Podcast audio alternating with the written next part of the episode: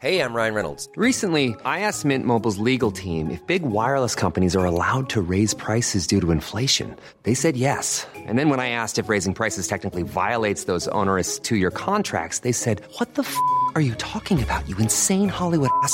So to recap, we're cutting the price of Mint Unlimited from $30 a month to just $15 a month. Give it a try at mintmobile.com slash switch. $45 upfront for three months plus taxes and fees. Promo for new customers for limited time. Unlimited more than 40 gigabytes per month. Slows. Full terms at mintmobile.com.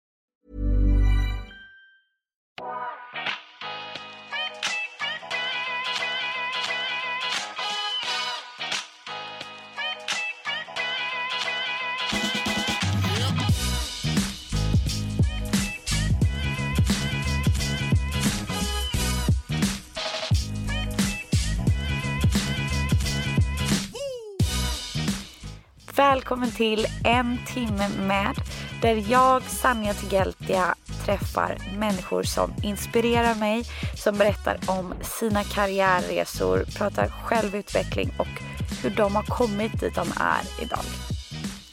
I dagens avsnitt så träffar jag en kär branschkollega och vän, Caroline Lidman. Caroline är proffs på person-PR och varumärkes-PR. Hon ser alltså till att personer och varumärken får synas. Och eh, jag ville veta mer om hennes expertis, varför hon riktade sig in på person-PR och varför det är väldigt viktigt att bygga person Kanske för sig själv eller för bolaget man arbetar för. Eh, hur man kan tänka, tips och tricks. Hur, hur ni där ute kan tänka för att bygga ert varumärke. Eh, big no-nos och vad man kan göra fel när man eh, bygger eh, personligt varumärke eller ett företags varumärke. Och vi går också in på, hon har väldigt härliga och starka rutiner för att orka med, må bra, dela med sig av dem. Hon har skrivit tre böcker, hon har hunnit med sjukt mycket på väldigt kort tid. Ett proffs helt enkelt som delar med sig av väldigt många bra tips. Hej Caroline! Hej Sanja! Så glad att äntligen ha dig med här. Det känns eh, superroligt. Jag har ju som jag sa innan följt podden sen, sen dess start. Så det känns fantastiskt kul att sitta här i studion själv nu. Ja, och det känns så kul att ha dig med. Och vi har ju haft koll och känt varandra i flera år sedan jag var ny i Stockholm och började på Hästens. Då tog vi vårt första möte och sen har vi följt varandra längs med, med resan. båda två. Verkligen. Kan du inte berätta om eh, din eh, PR-bakgrund och din resa hittills? Mm, jo men absolut. Jag, jag vet inte ens om jag har berättat den för, eh, eh, kommit in på den i något sammanhang med dig tidigare. Men eh, för att dra en liksom, lång historia som började tidigt i livet. Eh, kort så eh, bestämde jag mig jag har alltid varit ganska så här målinriktad och eh, redan som ganska ung tonåring så eh, ville jag liksom, jag har velat bli vuxen snabbt. Ehm, och när jag går på högstadiet, det är liksom den tiden när bloggvärlden liksom tar, tar fart och, och börjar. Det här är väl ungefär ja, men runt 20, 2014 höll jag på att säga. Det är inte 24, 25. Ehm, och eh, Många i min omgivning började blogga, inklusive jag själv. Eh, och många satsade också ganska liksom, stort på det här i Stockholm då. Ehm, och man såg också att det här vill jag liksom fortsätta med och tänk om det här kan bli ett yrke. Men eh, i tonåren när man försöker hitta sig själv så vill man ibland också hitta något som känns eget för en själv och liksom lite unikt.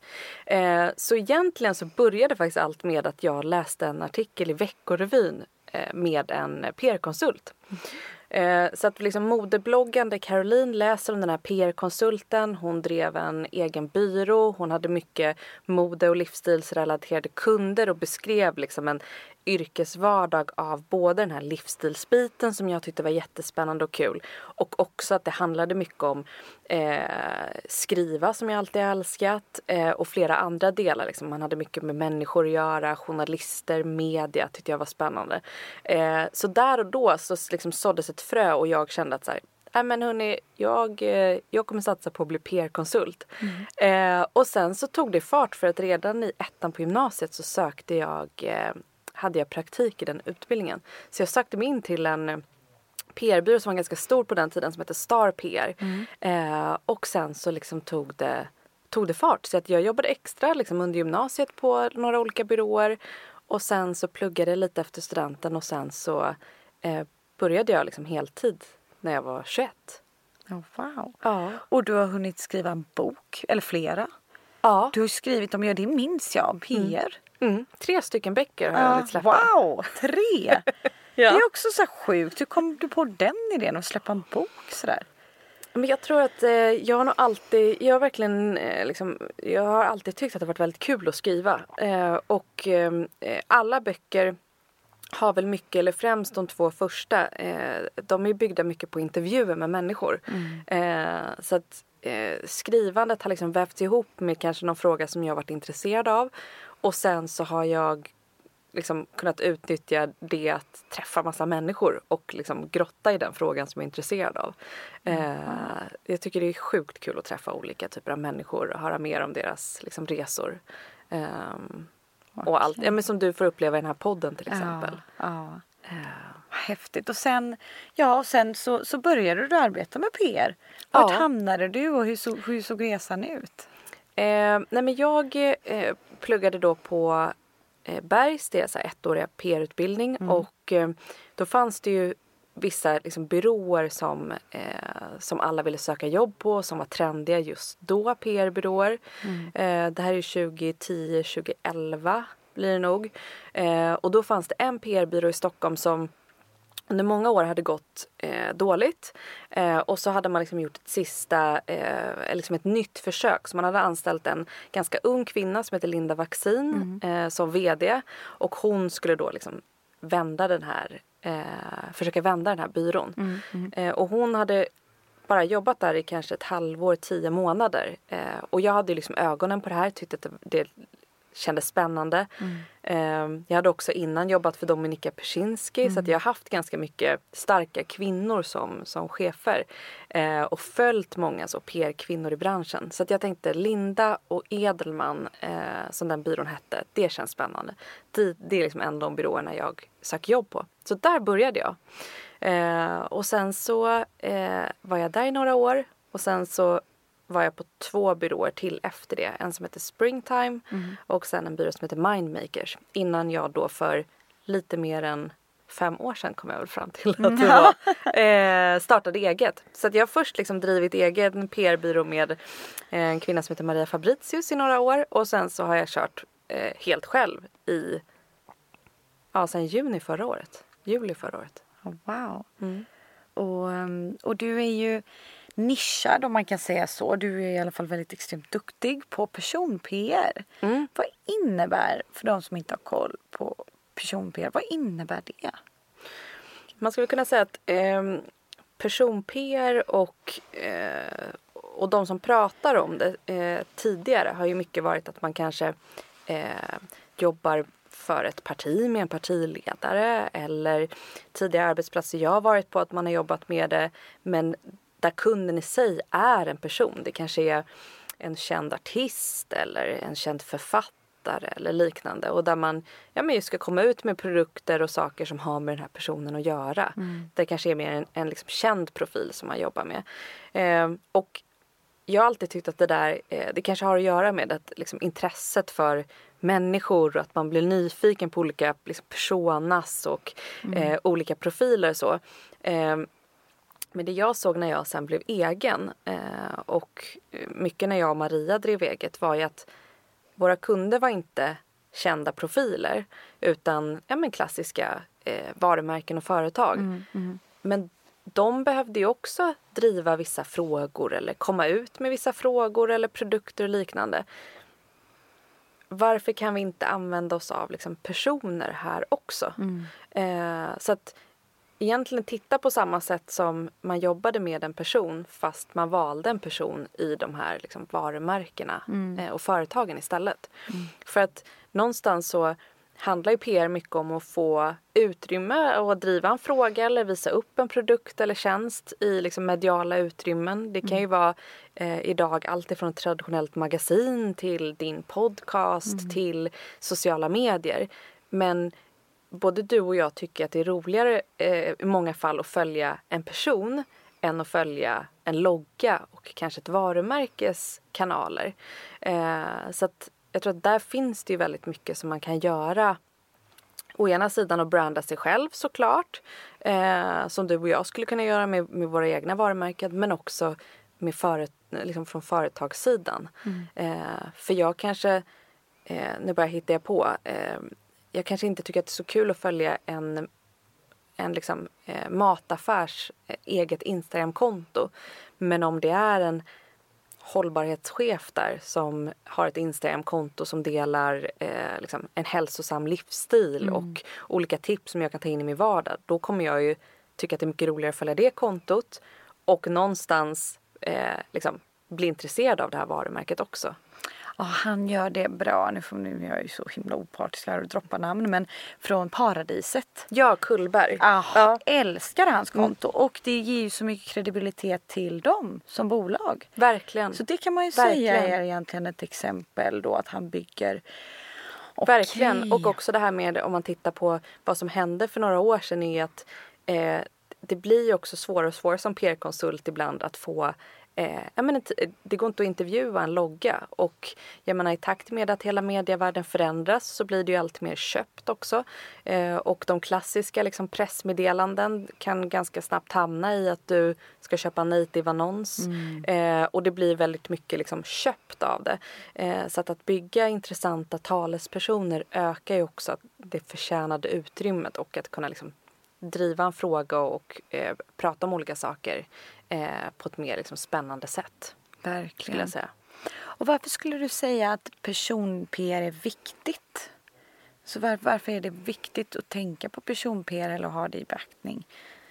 Men jag tror just där att det, eh, det blir så opersonligt mm. när det bara är ett liksom påklistrat, eh, eller inte, alltså inte för att det inte är genuint, men ett liksom citat bakom en logga på något vis. Mm, mm. Eh, vi alla liksom är ju intresserade av människor. Mm. Eh, så att om det så är att, att eh, vi lyssnar på Bianca Ingrosso eller Greta Thunberg så kommer vi ju troligtvis vara mer intresserade av att då lyssna på Eh, nu tappar jag vad han heter förnamn men Paradisets ja, eh, Kullberg. Ja, jag, ja, jag kommer inte heller på förnamn.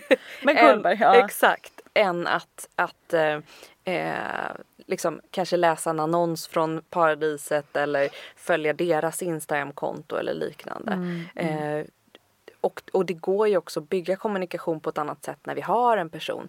Vi kan stoppa in den personen i podcasts eller i eh, större typer av intervjuer eller liknande. Mm. Så att du kan ju koppla ihop en person också med en nyhet istället för att det blir en notis om att företaget kanske släpper en, eh, en nyhet om någonting mm. så kan du baka in den i en större liksom, resa som du sätter ihop med en person i en större intervju till exempel. Verkligen, du har så rätt. Jag försöker tänka tillbaka på min karriär. Jag har inte mm. frontat Naked lika mycket för vi har väldigt starka PR, liksom, eller spokespersons, talespersoner. Mm. Eh, men på hästen så var det inte så tidigt. Så tog jag den rollen mm. och blev liksom lite hästens ambassadör. Och det är verkligen som du säger, till slut blev jag hästens Sanja. Ja. I mångas ögon ja. liksom. För att jag frontade det så. Jag svarade på intervjuer eller postade mm. om det själv och liksom sådär. Och, och det är så tydligt att se den effekten och då kanske folk eh, som, som följer mig eh, tänker undermed, undermedvetet på hästens. Verkligen. Um, Verkligen. Så jag tror att man, man gör ju på något vis det som man skulle gjort för företaget fast man sätter på det på en, på en person lite. Mm. Eh, och, och jag, min erfarenhet är att det öppnar upp så mycket mer möjligheter med en person. Mm. Plus att det är ju också sjukt kul. Eh, du kommer ju för mig i min roll så blir det på något vis att man kommer närmre varumärket och liksom hela kärnan på ett annat sätt.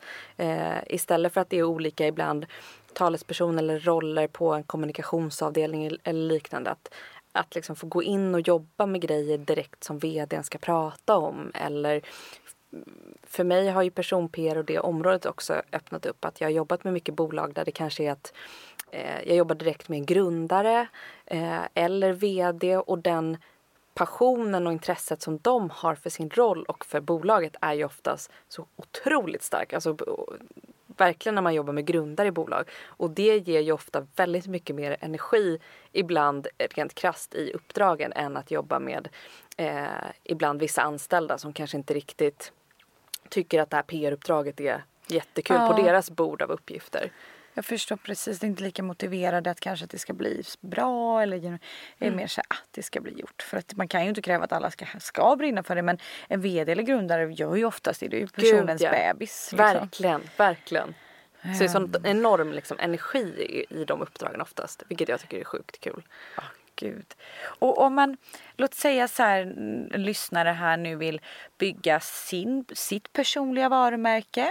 Eh, man kanske är anställd på ett bolag och vill lyfta det eh, indirekt eller så har man ett eget.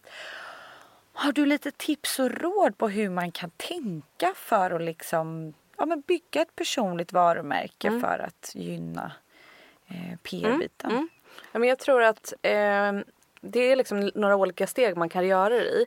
Eh, jag tror att det viktigaste att börja med någonstans är ju att eh, landa i lite så här, vad, vad, vad är målet och syftet med det här från början? Eh, om det är för mig själv eh, så liksom fundera i, i målet att eh, jag ska bli en eh, eh, liksom mer känd inom eh, person-PR för att jag vill ha mer uppdrag inom det. Eh, eller är det att man ska bli eh, specialist på, men jag vill att folk ska se mig som riktigt liksom proffs på eh, köpt sociala media. Eh, det bara hittar vi på. Eh, för att jag på sikt vill starta eget eller jag vill eh, byta jobb till exempel. Alltså landa i så här, vad, vad är syftet med att jag eh, vill kanske få mer följare till Instagram eller få fler och se mig på det här sättet. Eh, och vad jag för mål och, och vilka på något vis är den målsättningen är jag, som jag vill nå då? Är det andra företag eller eh, är det andra eh, grundare av olika snabbväxande bolag kanske som jag har attraherat ibland som kunder. Eh, så att liksom först här, syfte, mål och vilka är det faktiskt som, som jag vill nå. För ibland är det så lätt att tänka att, ja men du vet själv, så här, ja, men jag vill ha mer följare på Instagram eller eh, jag vill ha ett starkare personligt varumärke. Men, men varför vill jag det och, och vad ska det, det ge på något vis i slutändan? Så att när man har, man liksom börjar bara landa det. Eh, och sen så skulle jag säga att eh, utifrån då vad man vill på något vis bygga med sig själv. Vad för typ av ex, för någon form av expertroll eller ämne måste man ju på något vis eh, jacka i. Det kan ju vara lite, eh, jag menar om man bara tänker så här, kommunikation, det är ju ganska brett. Ja. Eh, så, att, så att man kan ju vara bra på olika saker. Men när man har landat det här ämnet så bör man nog konkretisera eh, i alla fall ja, men liksom två, tre kanske huvudfrågor som man vill driva. Så här, vad är det du ska vara expert inom? Är det person-PR eller är det det och några andra saker? Eh, och sen så se till att ja, men då är det de här grejerna som jag ska nöta. Eh, om man tänker, eh, vi pratade innan om lite tidigare gäster här, Louise Lundberg till exempel, som verkligen har gjort en intressant resa där med sig själv också. Hon har ju verkligen lyckats med att eh, vara väldigt tydlig med vad hon är bra på. Och så nöter hon det och då vet ju vi vad vi på något vis får ifrån henne när vi börjar följa henne eller interagera med henne. Så att se till att liksom vara tydlig med, okej men då är det de här två frågorna eller tre frågorna som jag ska driva och så är man kon- kontinuerlig med det. Sen så om man tittar på de kunderna som jag jobbar med. När man har landat det där första liksom, basic-kittet på något vis. Eh, då brukar jag eh, liksom gå vidare med tre delar egentligen. Eh, det ena kan låta super basic men det handlar om, eh, som man ibland glömmer, att profilera någon visuellt. Eh, alla har ju troligtvis liksom någon pressbild på sig själva. Speciellt om man är anställd i ett bolag eller liknande. När, om det är liksom ett företag som är min kund och man ska bygga någon där. Och personer som du och jag, man, man, man kan skramla fram eller ta, liksom, se till att ta en, en bra liksom, eh, bild. Men om man ska bygga en synlighet som också sträcker sig andra kanaler än sina egna. Så både om man tittar liksom på mediehållet men olika sammanhang eh, så jobbar inte tidningarna på samma sätt idag som de gjorde eh, för några, några liksom, eh, år sedan. Eh, man har inte fotografer som skickas ut till varje intervju eh, och liknande. Så att, att bygga upp en på något vis som lirar med den persona man vill bygga eh, ett kit med pressbilder. Det låter så himla basic och ganska så tråkigt. Men det underlättar faktiskt att skapa synlighet för en person. För att om du kan erbjuda en journalist att göra en intervju med en spännande eh, person och dessutom har ett kit med liksom intressanta bilder. Då ökar faktiskt chansen att de kommer tacka ja. Ja. ja.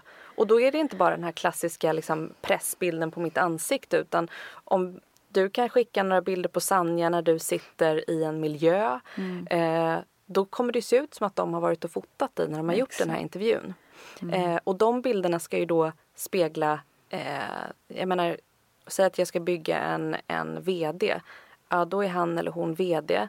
Men vi, vi behöver också titta på, ska det här bolaget kännas eh, ungt, techigt? Ska det istället kännas ganska corporate? Det kanske är något eh, finansbolag.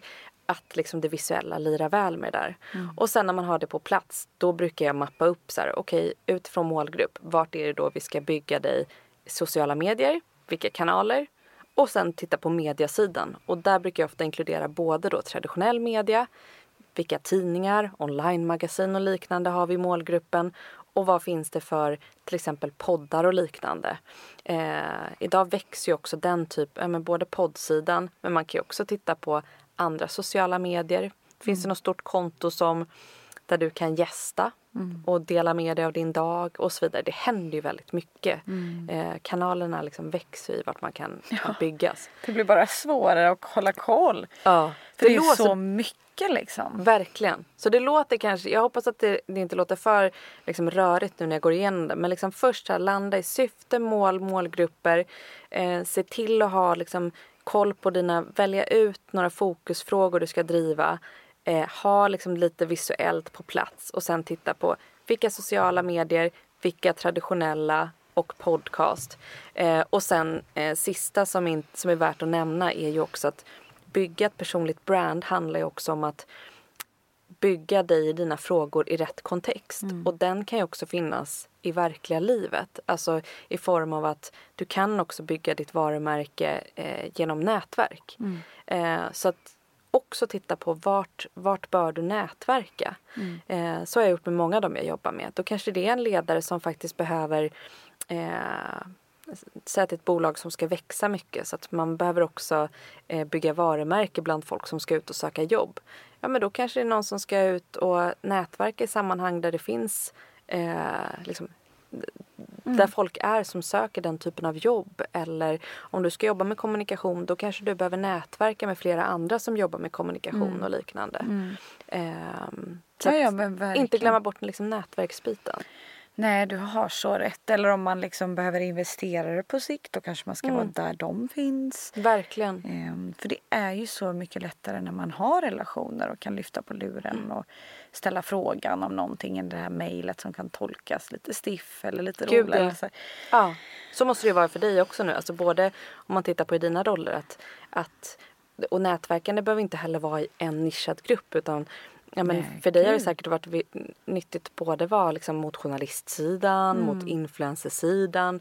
Ja, att nätverka med verkligen. andra som jobbar med marknadsföring och kommunikation och PR. Och, Ja, och det finns alltid liksom synergier och man kan hitta tillfällen att samarbeta om det vore så liksom eh, för Naked skull nu och, och med någon influencer eller med något annat bolag eller det, det finns om man, man bara är öppensinnad och, och ser möjligheter på det sättet så kan man hitta ganska mycket fördelar med att vara ute och nätverka eller att man har träffat någon någon gång som hade varit perfekt ambassadör. Det är till och med som ibland nu när jag träffar någon som jag ser, "Ja, men du hade passat jättebra för, för hästen till och med. Så kanske jag Ja. kopplar ihop. Jag har liksom ingenting emot det för jag tror att sånt gynnar en i slutändan om man har ögon och öron öppna till alla lite. Verkligen. För alla passar ju inte för allt. Så, så är det ju. Ehm, Gud men ja. är det någon gång det kan gå riktigt fel? Alltså att man gör riktigt fel med person-PR. Vad är liksom the big no-nos inom detta? Eh, men jag tror, eh, nu ska vi se, jag skrev faktiskt upp några, några grejer i mitt... Jag, jag är ju så här, eh, min hjärna är ju lite förvirrad ibland. Jag har ju precis fått en bebis så att man, Ja. man sover inte Ja, lika det, mycket. det är smart att du har skrivit ner. Jag bara, det var flera saker som jag skrev upp och så kom jag bara på i huvudet. Eh, eh, men, men, det, men, men det som jag kan säga direkt eh, om det skulle vara att man hjälper kanske ett företag eh, eller att man eh, säger att, att eh, vi skulle ha flera anställda i mitt bolag. Eh, det är att man på något vis ska eh, att, att man är rädd för att med en person, eh, bara bygga en person, att det ska skapa kanske lite svartsjuka eller avundsjuka eh, och att man plötsligt ska gå in och bygga massa personer samtidigt. Eh, om vi plötsligt ser tio stycken från paradiset i massa olika kanaler som driver liknande frågor då blir det ju väldigt rörigt eh, för liksom den målgruppen. För att troligtvis vill man ju nå samma typ av ehm, samma typ av målgrupp. äktheten. Ja, ja men precis. Alltså det blir ju, eh, och det blir liksom, det blir rörigt på något Ja. vis. Eh, och, och jag tror att man kommer tappa, målgruppen kommer inte fatta vad det är de ska liksom lyssna på och ta till sig av. Eh, så att vill man bygga flera på sikt, ta en i taget och låta det liksom ta, ta sin tid. Så att uppdrag där jag kommer in i ett möte och någon säger att "Ja, men, och så vill vi bygga den här personen och den här personen och den här personen. Okej men vem börjar vi med? Och sen har jag vissa uppdrag som jag har jobbat med där uppdragsskrivaren och jag har, har gjort någonting kanske under två, tre år. Och så har man börjat med vdn och sen så efter två år, ja men då kanske man det här bolaget ska växa väldigt mycket så att man gör vissa grejer med en HR-chef kanske. Eh, eller liknande. Men, men inte liksom göra för mycket samtidigt med olika personer. Det skulle jag säga är en ganska stor no-no. Eh, och sen också eh, som både är relevant för företagare men också för enskilda personer som vill titta på sitt varumärke. Att man inte det är väldigt lätt att man börjar springa men inte riktigt har tydligt, alltså just den här grunden. Varför gör jag det här? Vad är det för typ av, av liksom, eh, mitt varumärke, vad ska det stå för? Vad är det för typ av frågor och expertis jag vill bygga? Och så förstår inte omgivningen det. De ser bara lite fina bilder, eh, någon fin copy ibland men det blir väldigt otydligt att liksom placera vad, eh, vad du eller jag gör och då uppnår man inte riktigt någonting. Eller kanske ganska kortvarig effekt av det. Oj, här var det någon som poppade upp och verkade jätteintressant och så går man på lite mingel och man får vara med någonstans men, men sen så liksom stannar det på något vis av där. Eh, för att man, ja men eh, ofta är det för att personer är så taggade att bara komma igång. Men, men att liksom landa det eh, och se till att få ut det. Ja. Och, och jag tänker just när det är person-PR, är det någon gång en risk i det? Jag tänker att man, ehm, för det är ju mycket som är laddat idag. Eh, att man då ja, men gör bort sig, säger något dumt och det kan förstöra varumärket. Eller eh, man råkar eh, vara full på fel Alltså liksom det, är, det är så många grejer som kan slå fel. Har du något sånt exempel när det kan man, vad man borde tänka på? Liksom så när man är kopplad till ett varumärke eller har byggt upp sitt eget eller liksom sådär. Ja, men jag tror eh, den ut, eh, två saker som, som man ju ofta kan vara rädd för. Det är ju dels att, eller inte ofta, men som, som skulle kunna hända det är ju att man har en eh, person som byggs tajt med ett varumärke som plötsligt gör något liksom helt galet dåligt som verkligen påverkar eh, varumärket. Jag menar bara för, eh, ja, men det är väl lite mer än ett år sedan men om man tittar på exemplet med Paolo Roberto till exempel ja. och hur, eh, hur snabbt det varumärket eh, gick åt liksom helskotta eh, efter, efter vad han gjorde. Eh, och sen har vi ju andra sidan det här med, som jag kan uppleva ibland från företag att man vill ut och synas, man vill bygga en person men man är också ganska rädd för att den här personen som då kanske är en anställd person kommer sluta. Och för många byter ju jobb någon gång under sin, sin karriär. Ehm, och det är ju också såklart ökar ju på ett sätt chansen att den här personen kommer få nya jobberbjudanden om den syns mycket. Eh, för då är det klart att då kommer nya andra arbetsplatser läsa och se om den här personen och tänka att ah, henne eller honom vill vi ha till oss. Eh, och, eh, och den risken finns ju. Eh, jag skulle säga att, att, att en person gör en så stor grej som Paolo Roberto, ja men det kanske inte händer jätteofta. Eh, så det får man ju hoppas att det, att det inte kommer ske. Och att personen byter jobb, ja det kommer ske. Jag har varit med om bolag där man har byggt en person där den också har sagt upp sig slutat. Men jag tror att man som företag där måste se mer vinningarna av vad det har gett dem när de fortfarande var, eh, var kvar. Så att liksom, okej men då kanske vi fick två år eller fem år med den här bra personen. Eh, och det var värt det. Och sen den dagen den lämnar, ja troligtvis så finns det på sikt någon annan att jobba med då istället. Och förhoppningsvis har den personen gjort mycket gott. Ja, Alltså så. exakt, Det har inte exakt. varit förgäves förhoppningsvis. Nej, nej men precis. Se det mer som att man har kunnat eh, vinna väldigt mycket under den tiden man hade med den personen. Ja, det är superintressant för att det är väldigt mycket jag har även pratat mycket med, med Therese Hellström om detta som har gästat podden som också är en branschkollega till oss. Och hon, hon pratar också mycket om att bygga sitt personliga varumärke för att det genererar ju också extremt mycket till företagen hon arbetar och är anställd för. Eh, hon då inriktad inom mode men hon har ju valt att profilera sig starkt inom, inom mode och, och också inom PR. Eh, och ses då lite som experten eh, och trendsättaren vilket smittar av sig för varumärket man arbetar för. Verkligen. Eh, så det är så, det har sån stark effekt och sen får man ju göra det valet. Vill man profilera sig så eller så kan man vara den som eh, står i bakgrunden och, och gör ett fantastiskt arbete också. Att man, man inte känner den pressen eller, eller att man kanske väljer att bygga andras personliga varumärke. Precis som du nämner om man triggas av det. Så det finns ju så många olika Verkligen. vägar att gå. Verkligen. Och jag tror att ehm, och, och jag tror också att eh, det som hon gör till exempel eller eh, samma sak med dig. Alltså det öppnar ju också upp dörrarna för, eh, för arbetsplatser att kunna hitta en. Eh, så att jag tror att, ehm, att också ha ett starkt varumärke om man är intresserad av att liksom jobba Eh, ja, jag, nu är jag ju egen så jag jobbar med olika kunder men att också vara anställd är ju att det öppnar också upp chanserna för spännande jobberbjudanden. Eh, för att det blir tydligt, alltså jag menar från att man eh, företag fick CVn och anställde till att man sitter på LinkedIn så kan ju många företag idag hitta spännande kandidater på Instagram. Ja, ja, ja, verkligen. Och man går ju in där och skannar och liksom lite så. Ehm, Och så jag menar att anställa en, eh, en person som eh, knappt kanske har sociala medier och ska driva ett, eh, ett modevarumärke och liksom nå ut till både journalister, influencers och liknande. Ja, det kan absolut gå bra.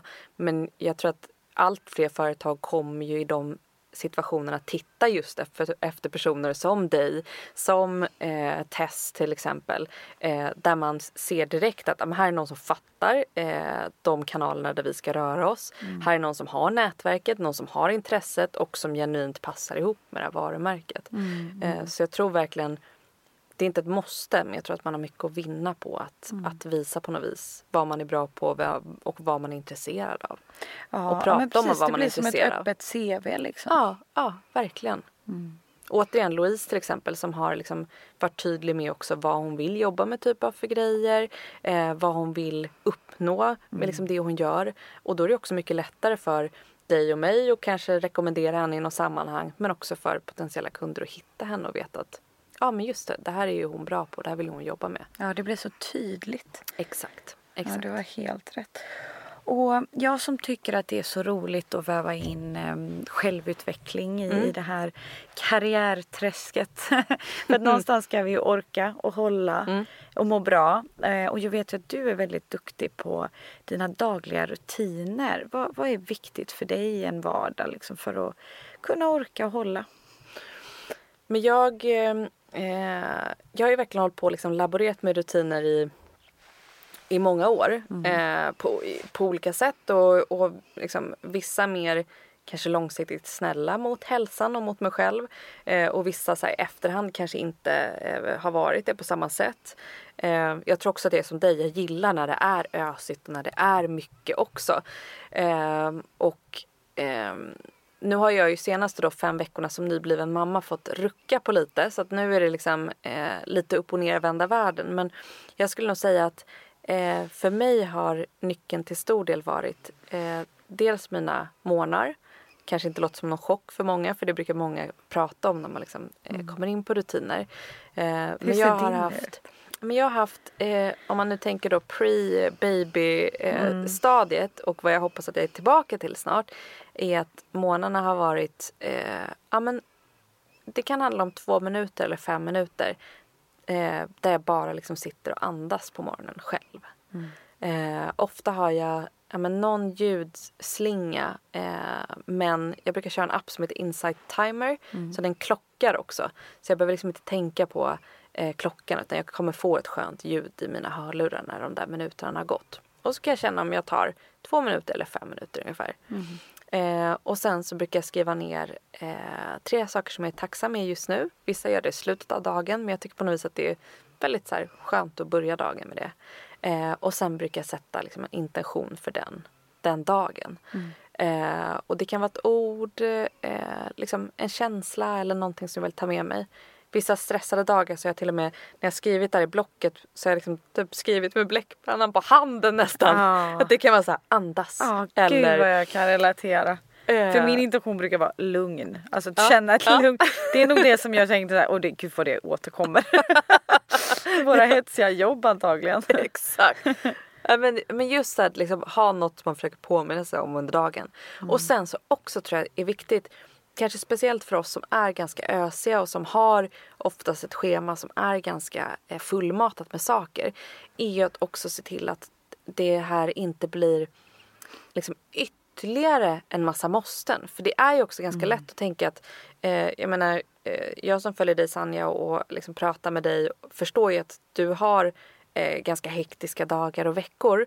Eh, och att då på något vis på de tim- arbetstimmarna, man vill hinna vara social, eh, du har en pojkvän som du vill spendera tid med och så vidare och allt som händer i livet med lägenhetsköp och allt vad man gör då hinner man inte också plussa till x timmar per dygn där man ska eh, liksom hitta lugn och balans och allt sånt. Och yoga. Och yoga och promenera och meditera.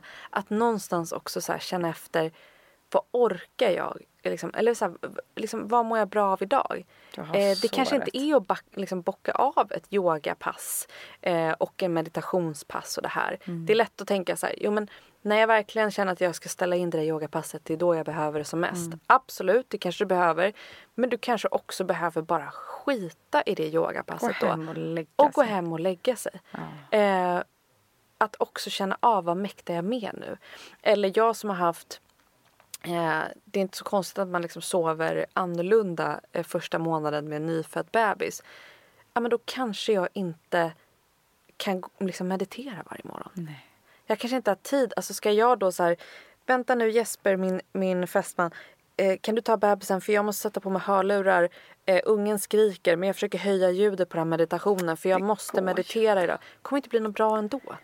Eh, så att på något vis liksom lite så här krasst liksom. Nej, Nej, jag, jag kan kanske bara behöver gå och lägga mig. Eller jag kanske bara...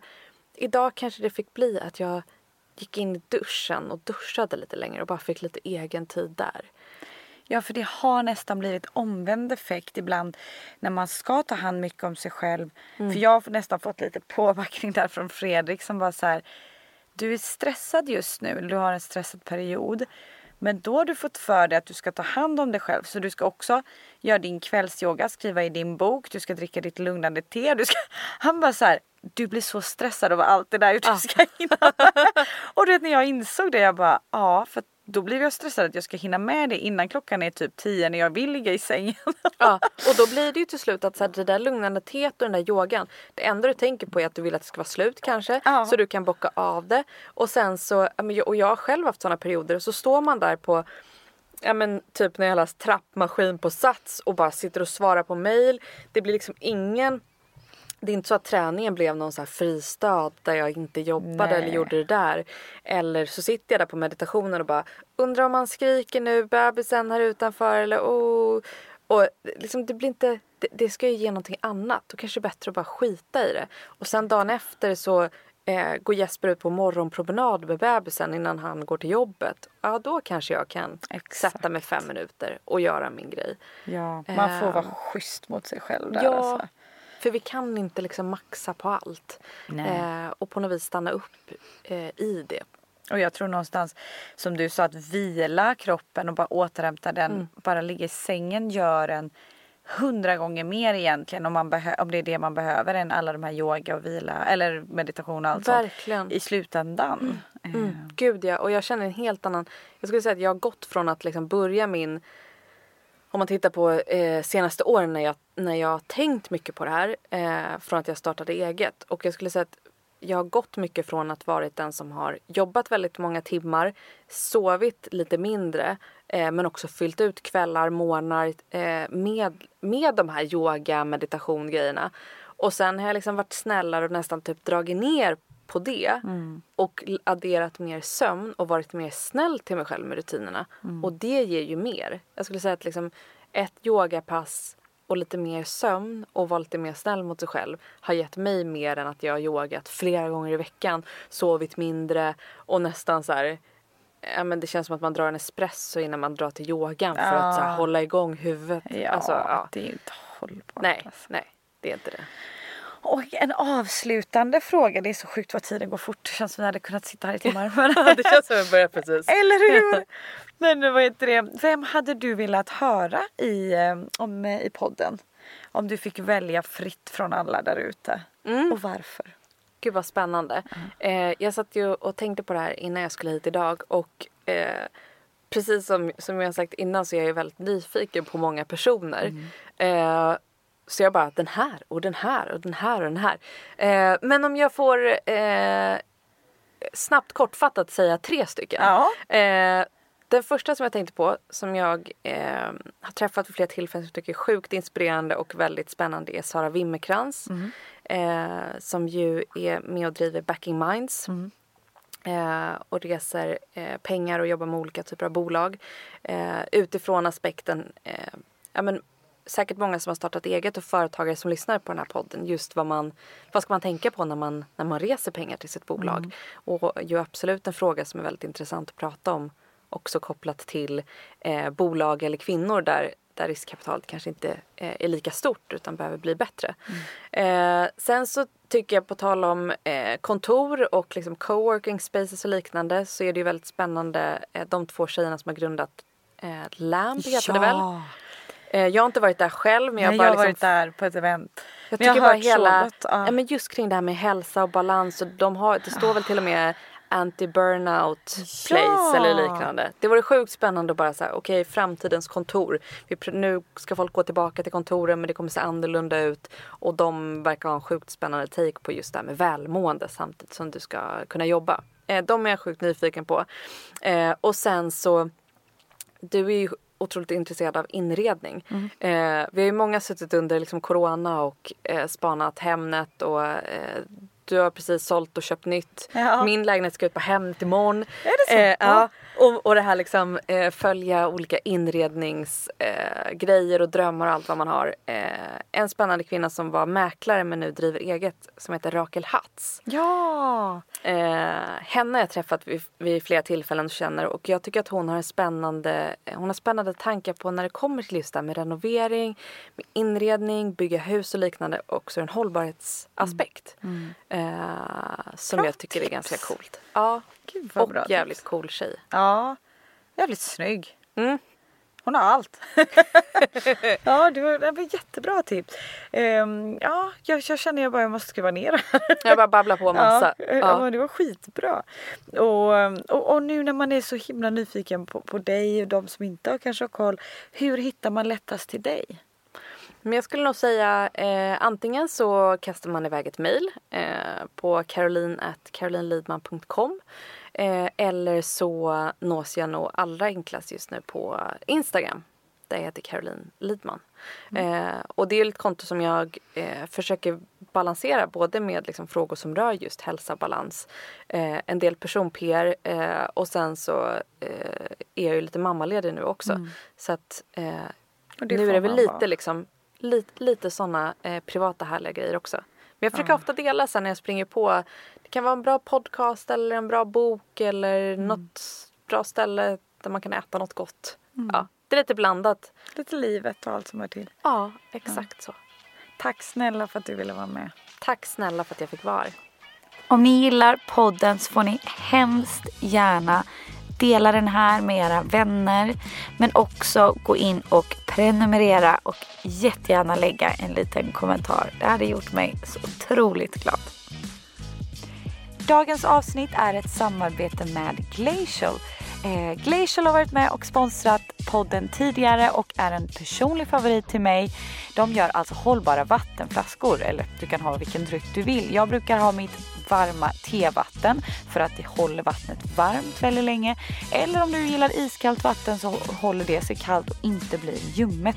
De har nu släppt en Active Collection med fyra helt nya flaskor i färgen svart, blå, rosa och grön. Och eh, med min rabattkod som är Sanja AC, så alltså Sanja AC i ett ord, så ger de er ett erbjudande med två för en på alla produkter eh, som du köper från Glacial. Och det är www.glacialbottle.com och det som är så roligt är att man kan göra flaskorna personliga genom gravering och man gillar ju personligt.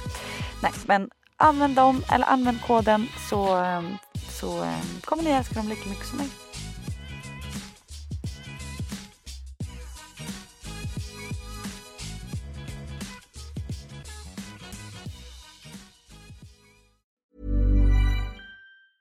Even when we're on a budget, we still deserve nice things.